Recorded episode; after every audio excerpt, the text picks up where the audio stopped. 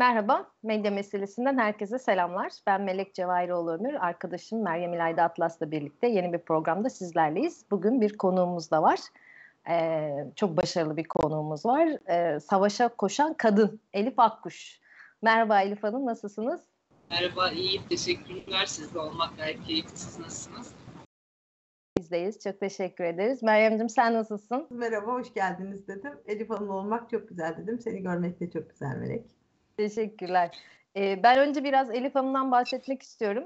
Şimdi savaşa koşan kadın dedim ama bu aslında benim cümlem değil tabii. Ece Çelik e, bir röportajı için böyle bir başlık atmıştı. Çok da beğendim. Burada da kullanmak istedim. E, Elif Hanım TRT Haber kanalında yaklaşık 25 e, yıl oldu sanıyorum. En tehlikeli savaş bölgelerinde e, muhabirlik e, yapan başarılı bir gazeteci. E, savaş muhabiri olarak geçiyor. Bunların bu dönemler içinde bulunduğu ve bize e, haber aktardığı dönemler çok önemli. İşte Saddam'ın devrildiği dönemde yaklaşık 35 gün kadar Irak'ta kalıyor. İşte Suriye, Nusaybin, Libya, Filistin'de meydana gelen sıcak çatışmalar hep oradaydı, sahadaydı. E, 2010 yılında Filistin'e yardım götürmek amacıyla yola çıkan Mavi Marmara'da bulundu ve orada e, bir takım kötü tecrübeler e, yaşadı. Bugün inşallah onları da konuşacağız. E, bugün de bir e, savaş muhabiri olarak e, medya meselesinde bizim konuğumuz Elif Hanım.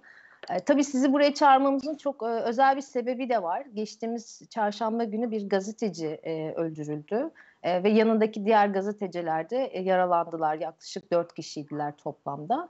E, El Cezire Arapça TV muhabiri Ebu Akile, Cenin'de Batı Şeria'da görevdeyken İsrail sniperları tarafından hedef alınarak öldürüldü. Hepimiz için e, çok trajik bir olay e, ve hani pek çok medya mecrası tarafından da e, bu olay dünyaya yansıtıldı, aktarıldı. E, Şirin e, orada yalnız değildi dediğim gibi yanında başka gazeteciler de vardı ve e, ama haberlerde gördüğümüz işte ilk etap bize aktarılan sonralarında duyduğumuz kadarıyla aslında e, normal şartlarda işte İsrail her zaman böyle işte bir çatışma alanında vardı o yüzden öldürüldü şeklindeki iddialar sonradan gördük ki hayır Filistinlilerin orada olmadığı aksine İsrail'in e, açtığı İsrail uzun süredir orada zaten böyle bir şeyin içerisindeydi. E, hedef alınarak bilinerek, bile, bilerek ve isteyerek öldürüldü. E, çünkü gö, e, yine haberlerden e, aldığımız bilgiye göre de M16 e, tipi silahlarla vurulmuştu Şirin. E, yani ilk kurşun aslında yani açıklamalar biraz detaylara girmek istiyorum ben çünkü bu detaylardan aslında olayın ne kadar e, feci şekilde gerçekleştiğini de gösteriyor. E, atına ilk kurşun aslında diğer arkadaşı Samu diye e, isabet ediyor. Sırtından vuruluyor. İkinci kurşun Akile'ye isabet ediyor ve Akile orada yere yığılıyor. E, bir başka muhabirin ifadesine baktığımızda işte İsrail-Filistin çatışması yoktu ve savaş muhabirleri direkt hedef alındı diyor. E, Şirin öldükten sonra da ateş durmuyor ve e, oradaki dört muhabir canını zor e, kurtarıyor. Nitekim cenazedeki görüntüler de gerçekten şok ediciydi. Biz çok kez böyle çatışma görüntüleri rastladık. Ee, Birçok e, kişinin hani tür ölümler, suikast haberleri gördük ama ilk defa bir cenaze hastaneden çıkartılırken e, saldırıya uğruyor. Artı onu taşıyan insanlar yine bir e, zulme ve şeye e, maruz kalıyorlar. E, oradaki cenazeyi taşıyan insanlar İsrail askerlerinin müdahalesine maruz kalıyorlar işin doğru şeyi ifadesiyle. E, gerçekten çok büyük bir e, nefretle yapıldığını gösteriyor bu olay. Şirin Akila hani onun öldürülmesi dünyada niye bu kadar konuşuldu diye sorarsak aslında Filistin Amerikan vatandaşı olan Hristiyan bir muhabir Şirin. El Cezire'ye de 97 yılında katılıyor ve kanalın ilk saha muhabirlerinden biri ki bu katılım süreçleri de gerçekten biraz çetrefilli ve 25 yılda fazla zamandır Ramallah'taki üstten cesurcu haberler yapılıp dünyaca ün kazanmış başarılı bir e, savaş muhabiri, saha muhabiri, profesyonelden bahsediyoruz. E, ikinci, e, 2000'lerin başındaki ikinci Filistin intifadasında da İsrail askerleri şehri işgal ettiği sırada e, ve basına erişimi kapatıldığı, kısıtlandığı zamanda da Cenin'de kaldı e, ve oradan bize gerçekten önemli ve kıymetli bilgiler ulaştırdı. Pek çok Filistinli kadına ilham olan bir gazeteciden bahsediyoruz. O gün de e, Akila e, Cenin'deydi e, ve bir süredir Cenin'deki e, silahlı çatışmaları yani çatışmadan İsrail güçlerinin oradaki baskınlarını haber yapmaya çalışıyordu.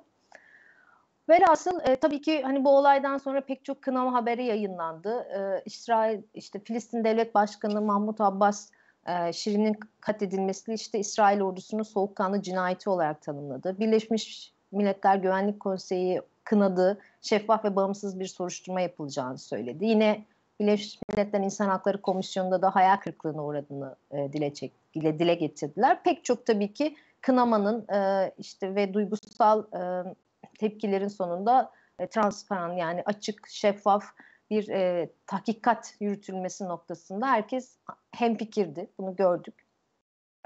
E, batıdan gelen sesler, doğudan gelen sesler bu noktada biraz daha yani genelde bu noktanın altını çiziyordu. E, açıkçası e, çok da uzatmak istemiyorum. Ben hemen konuğumuza sözü vereceğim. Bir soruyla başlamak istiyorum aslında bunu. Bu yani Şirin tek değildi, sonda olmayacak. Bunu biliyoruz. Pek çok rakamlar da e, gösteriyor bize ama orada önemli olan bir şey vardı. E, e, Şirin o gün e, basın görevlisi olduğunu gösteren yeleğini ve kasketini giyiyordu. Yani ve bildiğimiz kadarıyla orada press yazıyordu yani yeleğinde ve kasketi de vardı. Ve bildiğimiz kadarıyla bu tür donanımlar standarttır. Ve gazetecileri kalabalıklardan, askerlerden ayırmaya amaçlar. Türk taraflara da der ki biz bu gazetecileri bu kimse ve bunun hedef alınmaması gerekir. Bu mesajı çok net olarak verir. Fakat karşımızda çok ciddi soğukkanlı sniperlar var ve bu sniperların e, sorumsuzca mı diyeyim artık bilerek, isteyerek e, yaptıkları bu hareket sonucunda e, Şirin orada hayatını kaybetti. Diğer gazeteciler yayınla e, yaralandılar. Şimdi bu e, elimizde de e, basın özgürlüğünü savunan anayasalar var, uluslararası anlaşmalar var. Ve gazetecilerin bu anlamda sahadaki güvenlik meselesi nasıl çözülecek? Yani siz de sahada e, görev yaptınız. Bu noktada hem deneyimlerinizi hem de bu soruya böyle e, yanıtınızı alabilir miyim? Yani yani e, benim ilk hayalini kurduğum zamanlarda ve ilk bu işi yapmaya başladığım zamanlarda evet o üzerimizde pres yazılı e, çelik yelekler, baretler e, bunlar bir anlam taşıyordu sahada ama e, ilerleyen zaman içerisinde taşımamaya başladı. Hatta e, gazeteciler savaş ya da çatışma bölgelerinde e, işte öldürülecek, dünyaya mesaj vermek için öldürülecek ya da e, işte bir şekilde kaçırılarak e, işte takas unsuru olarak kullanılacak noktaya geldi. Yani bizim için o çelik yeleklerin üzerinde koca harflerle e, TV'de yazsın, Press'te yazsın, ne yazarsa yazsın ya da o baretlerde e, artık bunun çok fazla bir anlamı olmadığını görüyoruz. Yani biz orada görev yapan gazeteci olduğumuz için zaten aslında e, bizim bulunduğumuz tarafın karşısındaki unsurlar tarafından e, hedef halindeyiz. Ya öldürülmek için ya kaçırılmak için öldürmek için İsrail özelinde baktığımız zaman e, bu benim tamamen kendi kişisel görüşüm. İsrail dünyaya bir mesaj veriyor. Diyor ki yani kadın 51 yaşında, yıllardır bu işi yapıyor. Filistin meselesiyle alakalı e, inanılmaz derecede o bölgede yaşayarak, o bölge halkının yaşadıklarını, o bölgede yaşanan sıkıntıları aktarıyor. Ve bir şekilde kafasından vuruyorlar, öldürüyorlar. Yani biz çelik yelek ya baret kullandığımız zaman e, belirli yerler açıkta kalır. Yani tamamen kapatmaz. Mesela boyun bölgemiz açıkta kalır. Bazı çelik boyun vardır. İşte kısa şu kadarcık bir alan açık kalır. Ya da yan taraflar açıktır. E bunu zaten keskin nişancılar bilir yani ve ne şekilde öldüreceğini de bilir. E, baretle olduğu gibi kafamızı kapatmıyor. Bir de yani bu çelik yeleklerin ve baretlerin tabii belirli bir alanı var. Yani işte bilmem ne kadarlık silah karşı korur ama bilmem ne kadar güçteki silah karşı da korumaz yani ve silahlar e, saldırı unsurları o kadar değişiyor ki baktığımız zaman artık Presens'ın savaş bölgelerinde, çatışma bölgelerinde bir anlamı olmadığı gibi yani hatta işte karşı taraftaki unsurlar açısından sizin hedef olduğunuz işte kaçıralım bunu, alalım. işte karşı tarafa ait herhangi gözaltı varsa ya da yakalanan unsurlar varsa e, onların takası için kullanalım, para isteyin. Bir de yani herhangi bir gazeteci, bu benim gerçekten mesela bu işi yaparken savaş bölgesinde ölmek değil ama e, bu kısmı ben kendime çok sorduğum bir soru. Yani kaçırıldım işte bir yere götürdüler beni bir yazı astılar onun önünü oturttular elime de bir kağıt verdiler oku. Yani ben o kağıdı okuyamam. Mesela bunu defalarca kendime sordum. Yani bu gerçekten korkutucu ve ürkütücü bir şey. Ya o kağıdı okuduğumda kimse bana vay işte nasıl okudun demez ama ben o kağıdı okuduktan sonra zaten yaşayamam. E, okusam okumasam zaten yaşayamam. Bu çok ciddi bir çelişki ama çok sık yaşadığımız bir şey. Fakat İsrail'deki süreç daha önce ben de İsrail e, askerlerinin e, saldırısına maruz kalmış biri olarak söylüyorum. Orada e, net bir nokta var. Anadolu Ajansı muhabirlerinden Mücahit Aydın bölgede yani oranın muhabirlerinden biri. Onunla konuştum. Mesela onlar bu olayın olduğu yere gitmişler. İşte İsrail'in iddiası var. Filistinliler yaptı vesaire diye. Böyle bir şey yok diyor. Yani mesela onun incelemesinden aktarayım. Ebu Akile'nin vurulduğu noktayla Filistin direnişleri arasında İsrail askerleri vardı diyor ve Filistinlerin ateş açtığı nokta Şirin'in vurulduğu noktanın tersi yönünde. İsrail keskin nişancıların olduğu noktadan e, Ebu Hake'nin olduğu yer doğrudan görülüyor diyor. E zaten sonuçta yani orada işte uzun zamandan beri görev yapan ki Mücahit'le biz Libya'da beraber çalışmıştık. E şimdi bu gayet net yani mesele e, bana biraz tuhaf geliyor. Derinlemesine araştırılması gerekiyor denmesi. E, baktığımız zaman yani 3 fazladır, 5 azdır bilmiyorum ama 2000'den bu yana 55 Filistinli gazeteci öldürülmüş. 55 olmasın 5 olsun yani bu normal mi diye ben soruyorum ve e, cevabını alamıyorum maalesef. Şimdi bu rakamlar pardon bu rakamlar konusunda haklısınız. E, pek çok kaynak çünkü farklı farklı e, şey veriyor, e, rakam veriyor. Mesela e, bir tanesinden bahsedeyim. Notlarımda da vardı benim. E, 2000 yılından bu yana mesela Filistinli yetkililerine göre 2000'den bu yana en az 45 gazeteci İsrail güçleri tarafından sahada öldürüldü diyor. Ama New York'ta bulunan Gazetecileri Koruma Komitesi var. Bunun rakamlarına baktığınızda o da diyor ki 92 yılından bu yana 19 e, rakamını veriyor. Yani bunlar gerçekten çok e, çelişkili. Ama biz şunu da görüyoruz. E, son e, mesela Ramazan'da da biz böyle bir çatışma süreci yaşadık. Yani İsrail e, belli dönemlerde e, halkın olduğu alan dönemlerde yani mesela orada insanlar Ramazan'ı kutluyorlar. Ramazan'la ilgili özel e, şeyleri var. E, bir de bir taraftan bu çatışmalar buralarda devam ederken mesela Şirin Akile'nin görüntülerinin yanında bir başka görüntüler de geldi bize. İşte bunlar neydi? Ee, bir taraftan da siviller böyle apar topar otobüslerden indiriliyor ve o bölgede e, yerleşim yerlerine yerleştiriliyor. Yani İsrail'in orada çok ciddi olarak da şey de var. E, sanki parşömen ararcasına hani bu 48'lerde falan olmuştu ya orada özel e, bu Ölü Deniz e, parşömenleri vardır çok meşhur. E, mesela sanki hala onları arıyormuş, onların başka parçalarını arıyormuşçasına sürekli bir inşaat, sürekli bir kazma, sürekli bir e, çatışma da sanki biraz bununla da bağlantılı da geliyor bana. Ya bilmiyorum tabii sizin e, bu konudaki fikirleriniz. Bunların devam ettirilmesinde etkisi var mı diye sormak istiyorum yani. E, orada bulunduğunuz şey, hiç duyduğunuz bir şey var mı bununla ilgili? Merak sorusu aslında biraz da. Yani şöyle e, ben hep şuna inanıyorum İsrail konusunda. Şimdi biz İsrail konuşuyoruz. İsrail'de işte Filistin'de gazeteci, kaç gazeteci öldürüldü? Bir kere zaten bir gazeteci öldürülmüş. Tek bir gazeteci öldürüldü. İsrail askerleri ya da polis tarafından. Bu mesela e, dünyayı tepkiye götürecek ve ne oluyor diyecek bir şey değil mi? Yani bence bu önemli. Buradaki temel şey şu, e, İsrail'e kimsenin hiçbir şey dememesi. Yani onlar yapıyor. 55 olsun, 45 olsun, hadi 19 olsun, 10 olsun ne fark eder? Yani hani derinlemesine araştırılmalı. İşte Amerika çıkıyor başka bir şey söylüyor, başka bir ülke çıkıyor derinlemesi araştırmalı. Çok üzücü vesaire. İşte cenazesine saldırı İsrail polisi cenazesine giriyor. Amerika tekrar diyor ki bu derinden rahatsız. Bir derinden durumu var ama sosyal medya üzerinden ya da açıklamalar üzerinden. E ama karşılığı ne yani? Hiçbir karşılığı yok. Karşılığı olmadığı sürece de sonuç hep aynı oluyor maalesef yani. Normal hayatta da böyle değil midir zaten? Yani ortada bir suç varsa ve suçu doğuran unsurlar, insanlar varsa onları cezalandırmazsanız onlar devam ederler yani.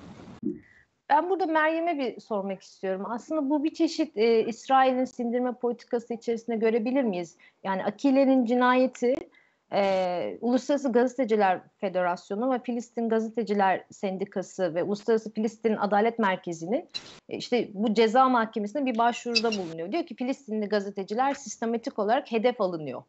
E, tam böyle o, o bu o, şeyden başvurudan çok kısa bir süre sonra e, Akile'nin e, ölümü de gerçekleşiyor. Bu ger bu biraz böyle e, bana biraz şey geldi yani sanki bir mesaj sizin de dediğiniz gibi sanki bir mesaj veriyormuşçasına e, gerçekleşen bir eylem gibi geldi. Biz konuyu da biraz konuşmuştuk ama Meryem sen bu konuda ne düşünüyorsun? Yani burada e, bilerek isteyerek bir sindirme politikası mı güdüyor İsrail?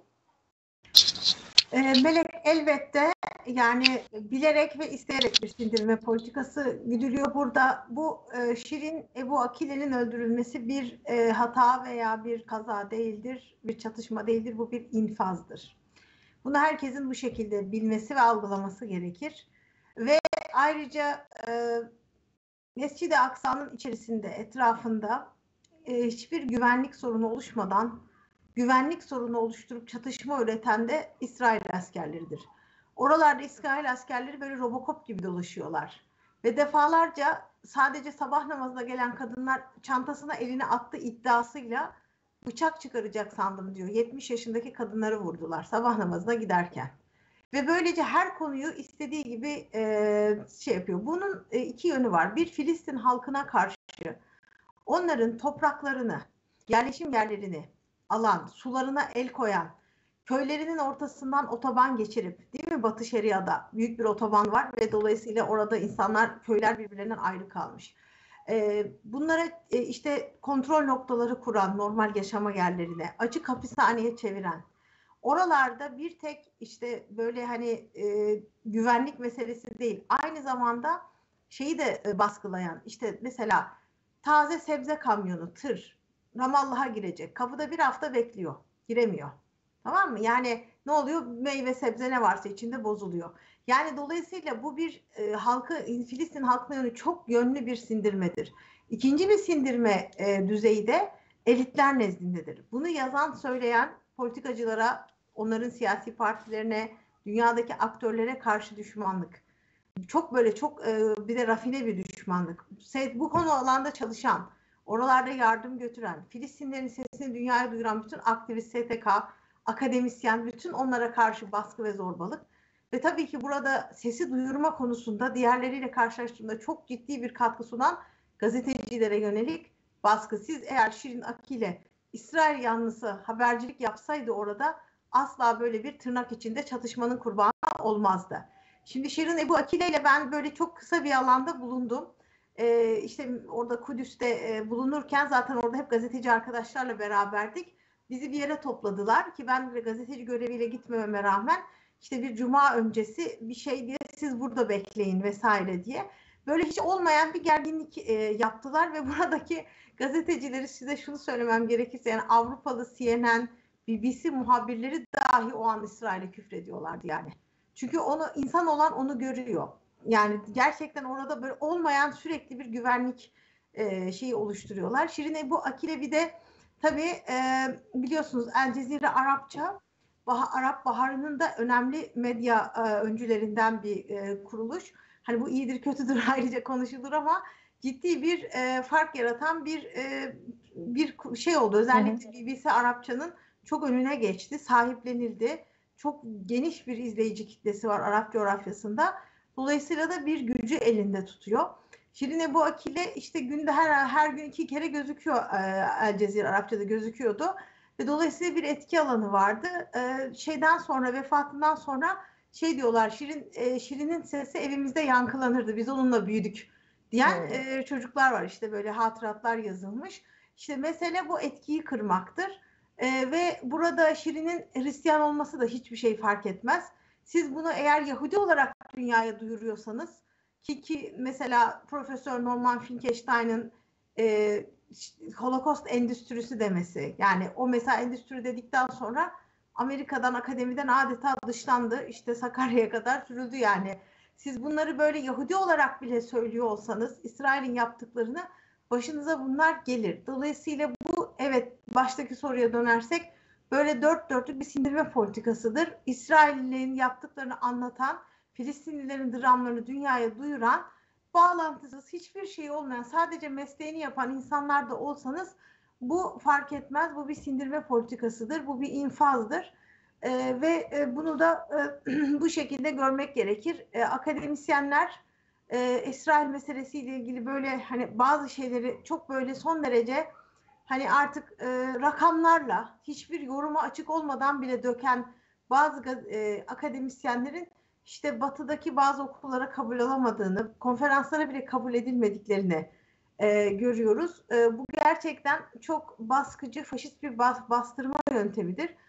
Bunun arkasında da kimse antisemitizme, işte e, Yahudi soykırımına filan sığınarak bu yapılanları açıklamaya çalışmasınlar. Bugün bunun muhatabı olan Filistinlilerin ne Yahudi soykırımıyla ne antisemitizmle bilgisi yoktur. Yani e, buradaki meselenin hemen en ufak bir konu, konu konuşulduğu zaman işte Filistinlilerin aleyhine olacak şekilde bir uluslararası formülasyona dönmesi de bizler için çok inciticidir. En son konunun Elif Hanım dedi ya sürekli bir derin kınama meselesi var. En son meselenin Birleşmiş Milletler Güvenlik Konseyi'nde kınanmasını çok önemsiyorum. Çünkü İsrail Mavi Marmara'dan beri Güvenlik Konseyi'nde kınanmadı. Biliyorsunuz biz o dönemde 2010 yılında e, yine mesela El Cezire'nin El Cezire Arapça'nın ve Şirin Akile'nin bizzat orada çok katkısı vardı o olayın duyurulmasında. Canlı yayın yapıldı. Evet. İşte o dönemki başbakanın konuşması canlı verildi e, El Cezire'den. O dönemlerde 2010'lar 11'lerde Orta Doğu'ya gittiğiniz zaman Türkler böyle hakikaten çok çok değişik karşılanıyorlardı. Yani bir Orta Doğu ülkesinde hani bana Türk, Türk olduğum için o dönemde ben de biraz kalmaya gitmiştim. İndirim yapıldığını hatırlıyorum. Yani insanların e, bu anlamda e, şeyin e, katkısı çok büyük. E, e, El Cezire Arapça'nın o zaman e, mesela TRT Arapça falan şu anda biliyorsunuz e, TRT'nin de Arapça kanalı var vesaire. Ama o dönemde gerçekten El Cezire ilk oldu e, ve e, uluslararası yayıncılık yaparak tabii bu da bizim e, coğrafyalarımızın BBC'ye, CNN'e esir olmuşluğunun da e, bambaşka bir hikayedir bu. Fakat uluslararası toplumun duyması, duyurulması, bilinmesi kısmı e, çok önemli. Ben bu Şirin e, bu Akile meselesinin tabii ki böyle e, kınanacak bir şekilde e, hep e, mesela deniyor işte Aa, onlar da çocuklara taş attırıyorlar filan hani e, sanki böyle çok normalmiş her şey koşullar gibi. Hı hı. Bu argümanların kırılmasında çok etkili oldu. Uluslararası toplumun daha fazla e, konunun içine dahil olması önemli ama benim biz yani son bir haftadır takip edebildiğim kadarıyla e, bu iş büyüyecek yani bu Şirin Ebu Ekil'in bu kadar açıktan infaz edilmesi adeta e, bayağı bir tepki oldu diye inşallah o konuda da umutluyum. Evet Meryem ya, ya galiba 3-4 gün önceydi Chicago'da da e, büyük bununla ilgili bir yürüyüş yapıldı. E, insanlar hani Şirin'in do, hem dosyasının e, araştırılması hem de artık bu cinayetlerin e, infazların sona erdirilmesi noktasında. Senin söylediğinden de bu hani e, sindirme politikasında e, aktivistlerin de çok hedef alındığını söylemiştim. Bir tane örnek geldi aklıma. E, Rachel Corey 2003 yılıydı. E, Filistin'de bir ailenin evinin yıkılmasında barışçı protestolar yapıyordu orada.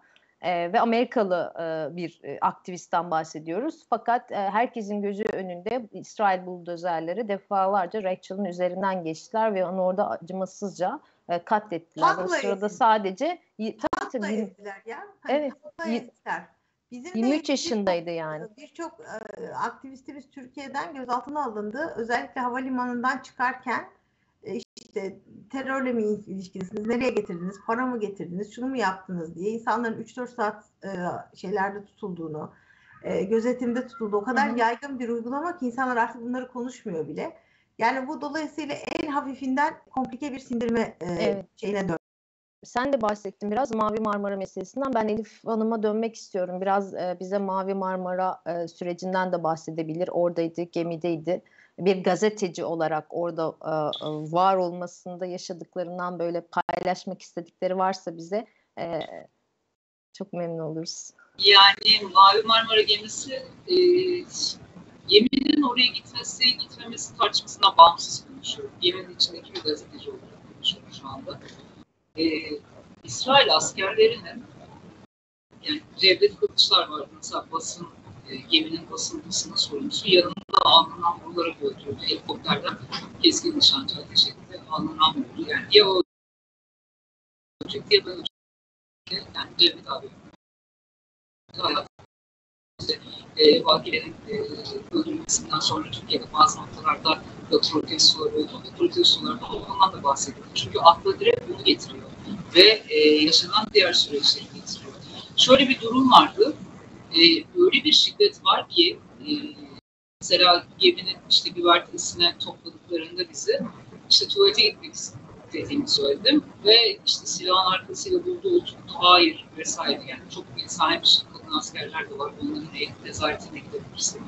Ve zaten Aşraf Limanı'nda bir yer hazırlanmış yani. Aşraf Limanı'na gittik akşam 8'de gece 3.30'a kadar işkence, çırılçıplak soymalar, üst aramaları, ondan sonra ifade, sonra tekrar anlatıyorum. Bir de çalışıyorum. TRT'de e, çalıştığınız devlet memuru olduğunuz zaman uluslararası veya herhangi bir devlet etkisi yoksa söz sahibi, söz sahibi oluyorsunuz siz.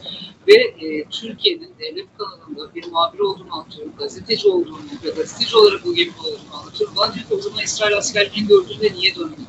Yani nereye döneyim? Uluslararası sulardayız, kara görünmüyor. Sabahın hızından sonra zaten olmuş olay. Yani bu kadar akıl dışı ki.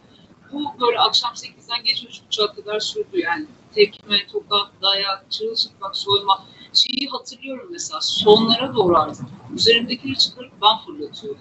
Bir de benim böyle sıkıntılı durumlarda gülmek gibi bir huyum var. Yani karşı tarafa teslim olmadığını göstermek için yüzlerine bakıp gülerim. Gülerek ben fırlatıyordum çünkü akıl alacak bir şey değil ve biz sınır dışı ediliriz, ediliriz diye düşünürken bir anda cezaevine gideceğimizi öğrenildi. Ve cezaevine, cezaevi araçlarına bindiriyor. 700 küsur kişi var zaten. Cezaevi aracına bindiriyor. Benim o cezaevi aracının kalorifer böcekleri var. Kapısını kapatmadan peynir attı mesela koridoruna cezaevi arabasına. O böcekler iyice böyle e, işte canlansın ve bizim üzerimizde gezsin. E, hapse gidiyor, hapse atıyorlar sizi. Orada da bir ton böyle sorgu, sual vesaire. Sonra anlamsızlaşıyor her şey. Telefon hakkınız yok, işte bilgi verme hakkınız yok. Benim derdim yani evdekilere falan değil. En azından TRT'dekilere hani işte ben ve kameraman yaşıyor ya da işte ben en azından yaşıyorum. Şöyle şöyle oldu diye iki, de, iki saniye bir bilgi versem benim derdim o. Ben bilgiyi verdikten sonra ailem de zaten yaşadığını öğrenecek. Ama o, oradaki hiçbir insana yani gazeteciler de dahil olmak üzere hiç kimseye telefon hakkı verilmedi ki telefon gözümüzün önünde duruyor bu arada yani. yani orada aşağıda hayır, her şeye hayır, her şeye hayır. Ee, ondan sonra cezaevinden çıkma süreci ayrı bir tantana. Havaalanında yani işte e, Türkiye'den uçaklar geldi ve o uçaklara bindiriliyor 700 küsur kişi ama oradan ayrılmamız da bir tantana. Yani ayrılırken de defalarca sorgulanıyorsun. Yani zaten bir ton şey yaşamışsın. Ayrılırken yine sorgulanıyorsun. E, o yüzden hatta işte e, Ebu Akil öldürüldüğünde öyle bir tweet attım. Yani isimleri ve e, şeyleri farklı ama ben bu insanları tanıyorum diye. Ben bu gözleri. Çünkü bu kadar korku dolu ve nefret dolu aynı anda iki duyguyu birlikte taşıyarak bakan e, başka kimseyi görmedim kadar yani. E, o yüzden e, Ebu Akil'in öldürülmesi dünyada işte biraz daha sesi yükseltebilir falan ama galiba ben sizin kadar mutlu değilim. Yani evet ses biraz daha yükselebilir, biraz daha yükselebilir ama nihayetinde ne olacak yani? Aynı şeyler yaşanmaya devam edecek. Ben e, değişeceğini düşünüyorum. Daha köklü bir şey olması gerekiyor diye düşünüyorum. İsrail için sanırım buradaki şey de önemli. Yani e, senin sizin o bahsettiğin nefret e, ve öldürme isteği o üniformayı giyince sanki bir başka bir role bürünen İsrail askerleri o fikirle, o düşünceyle ortaya çıkan ama bir tarafta da kendi haberini yapmak üzere gazetelere, insanlara bu e, oradaki faciaları, çatışmaları göstermek üzere oraya giden gazeteciler var.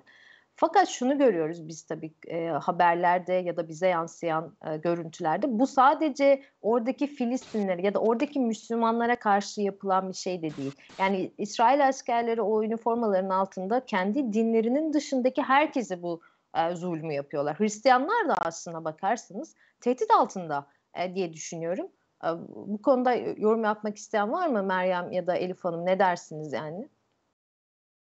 Ben bir katkı yapayım Hristiyanlarla ilgili olarak. Şimdi Hristiyan Avrupa'ya e, bu İsrail meselesi başka şekillerde paketleniyor. Öncelikli olarak Hamas'ın füze attığı ve İsraillilerin sivillerle güvenlik sorununun olduğu gibi geçerli bir argüman sunuluyor. Ve buradaki güç eşitsizliğinden, o füzelerin niteliğinden, yani o füzelerin yani teneke gibi şeyler olmasından, ya da bu insanların zaten sürekli olarak hukuksuz bir ablukanın altında yaşayan insanlar olmalarından, siyasi otoritelerin iradelerinin tanınmamasından hani siz böyle kenara sıkıştırdığınız bir kedinin sizi cırmalamasına benziyor yani. Hani kediyi hareketsiz bırakmışsın, kenara e, sıkıştırmışsın. Şimdi Batılıların bu konuyla ilgili yani Bat Hristiyan Avrupa'nın diyeyim daha doğrusu bu konuyla ilgili olarak ciddi duyarlılık gösteren, bu konuyu iyi anlamış e, insanlar var.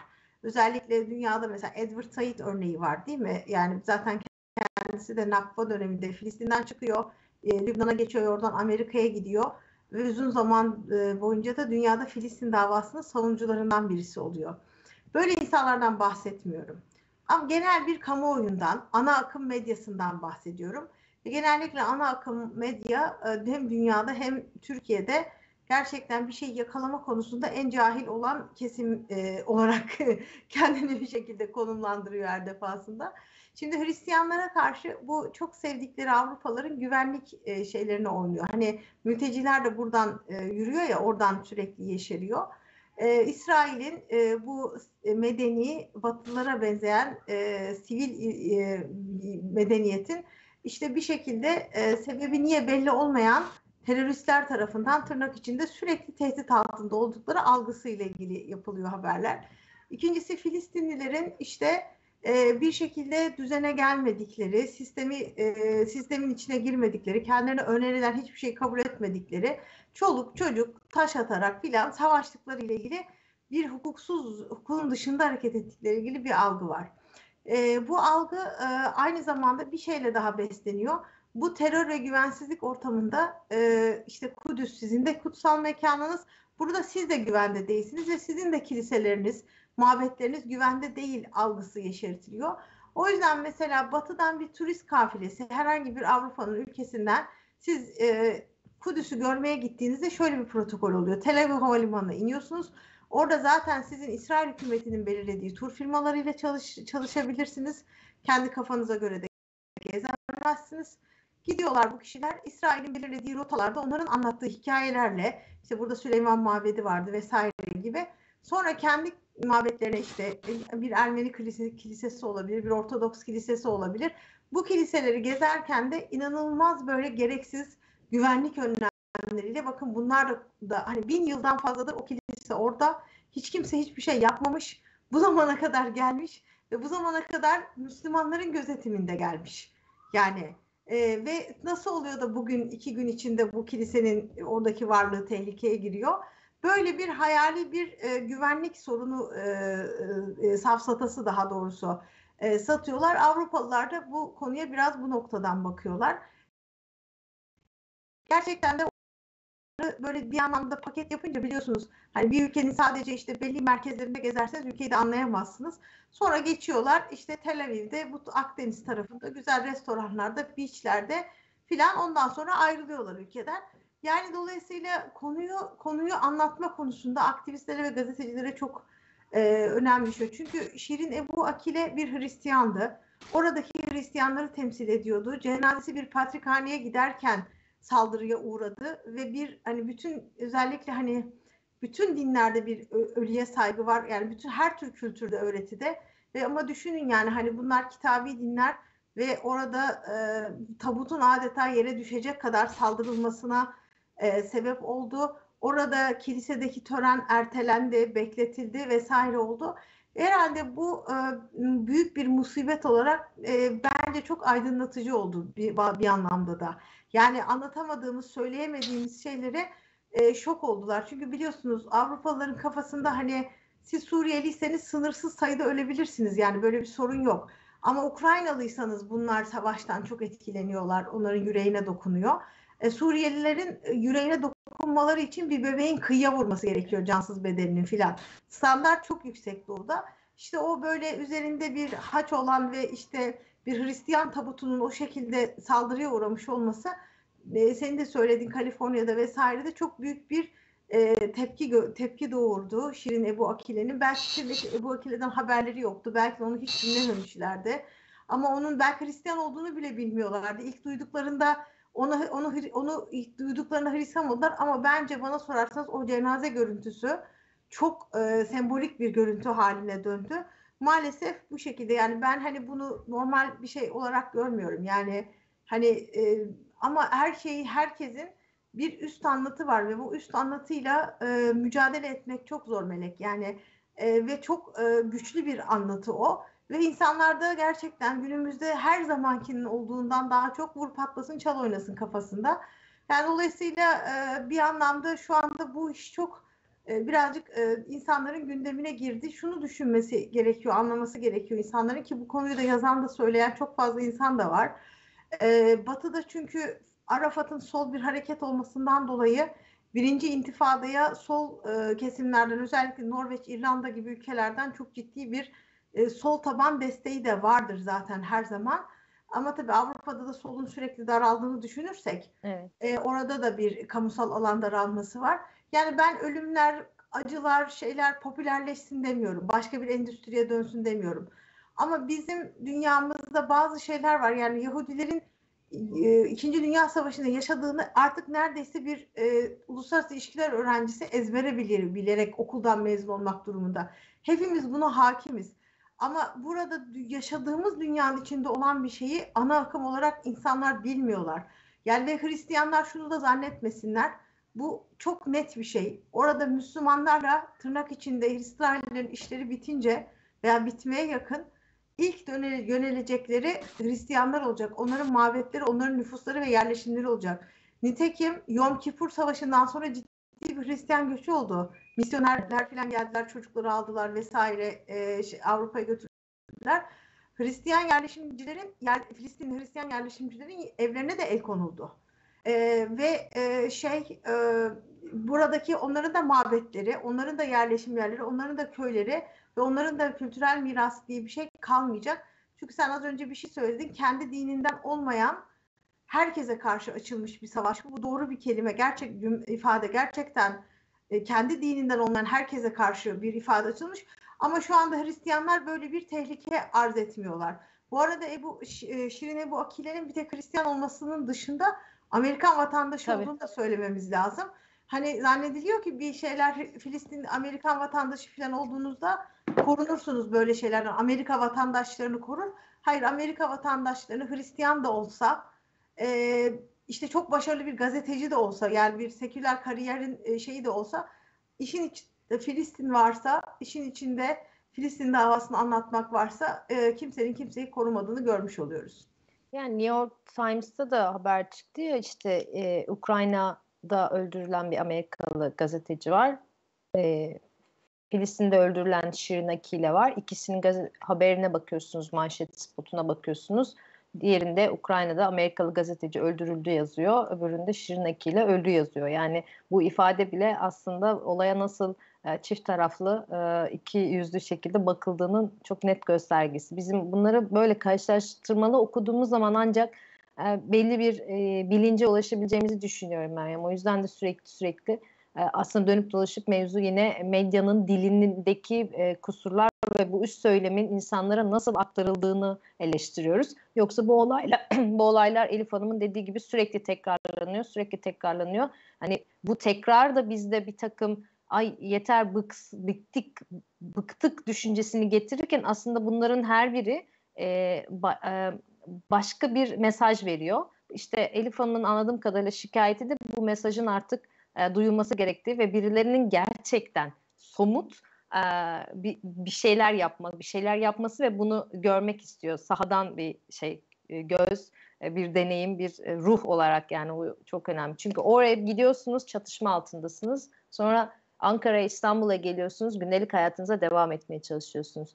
E, açıkçası Şirin Akile ve bu e, gazete yani savaş muhabirliği e, sahadaki deneyimlerinizle ilgili e, anlatacağınız, e, bizim paylaşmak istediğimiz e, farklı bir şey yoksa ben gazetecilik tecrübesi olarak size son bir soru sormak istiyorum süremiz e, tamamlanırken.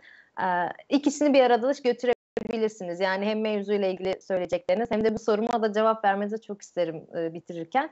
Açıkçası İstanbul'a ya da işte Ankara'dasınız şu an geçici görevde.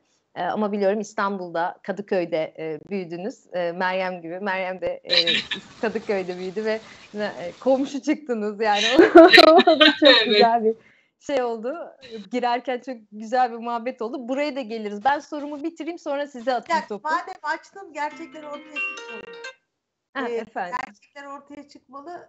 aynı sokakta büyümüşüz yani. Evet. o kadar. Harika. Koskoca Kadıköy'de. Yalnız bakıyorsunuz Türk medyasına Kadıköy'ün hangi sokak Meryem? Sokağın adını analım. Yok, Recai adımızı da Zade. almayalım. Peki, tamam. Sokak. Kadıköy'ün ilk sokağa e, Türkiye'ye iki gazeteci yerleştiriyor. Biri e, gazetenin manşetlerinden e, insanlara gerçekleri duyurmaya çalışıyor. Diğeri, diğeri de sahadan. E, bu bir tesadüf olamaz herhalde bilmiyorum. Yaşadığınız çocukluğa, çocukluğa inmek lazım Meryem. Kadıköy tabii güzide bir ilçemiz olarak yani. Ama tabii Kadıköy eski bir semt Melek ve e, Kadıköy'ün ya aslında sokağı da söyleyelim artık orada oturmuyoruz sonuçta. Recaizade sokak ama ismini Recaizade Mahmut Ekrem'den alan bir sokak. E, eski bir sokak e, ve bizim oradaki sokak isimleri çok hoştur gerçekten. Mesela hemen bir arka sokağımızın adı Misaki Milli Sokak'tır. E, bugün Kadıköy'de o minibüslerin indiği sokak. İşte ondan sonra arada böyle Reşit Efendi Sokak, Kırmızı Kuşak Sokak falan gibi böyle değişik sokak isimleri vardır. Enteresanmış. Güzel. Ee, benim sorumsa şu Elif Hanım. Evet o çatışmalardan normal hayata geliyorsunuz ama buraya geldiğinizde de bir takım sıkıntılar oluyor. Gündelik sıkıntılar oluyor. Bu iki arasındaki geçişi nasıl sağlıyorsunuz? Bir köprü kurabiliyor musunuz? Yani buradaki e, yaşadıklarımız orada yaşadıklarınıza kıyasla artık bir sorun ya da bir sıkıntı olmamaktan çıkıyor da olabilir. E, bir, bu köprüyü nasıl kuruyorsunuz? E, sonrasında da zaten e, şeyi size atıyorum. E, iki Kadıköylü olarak e, söz sizindir.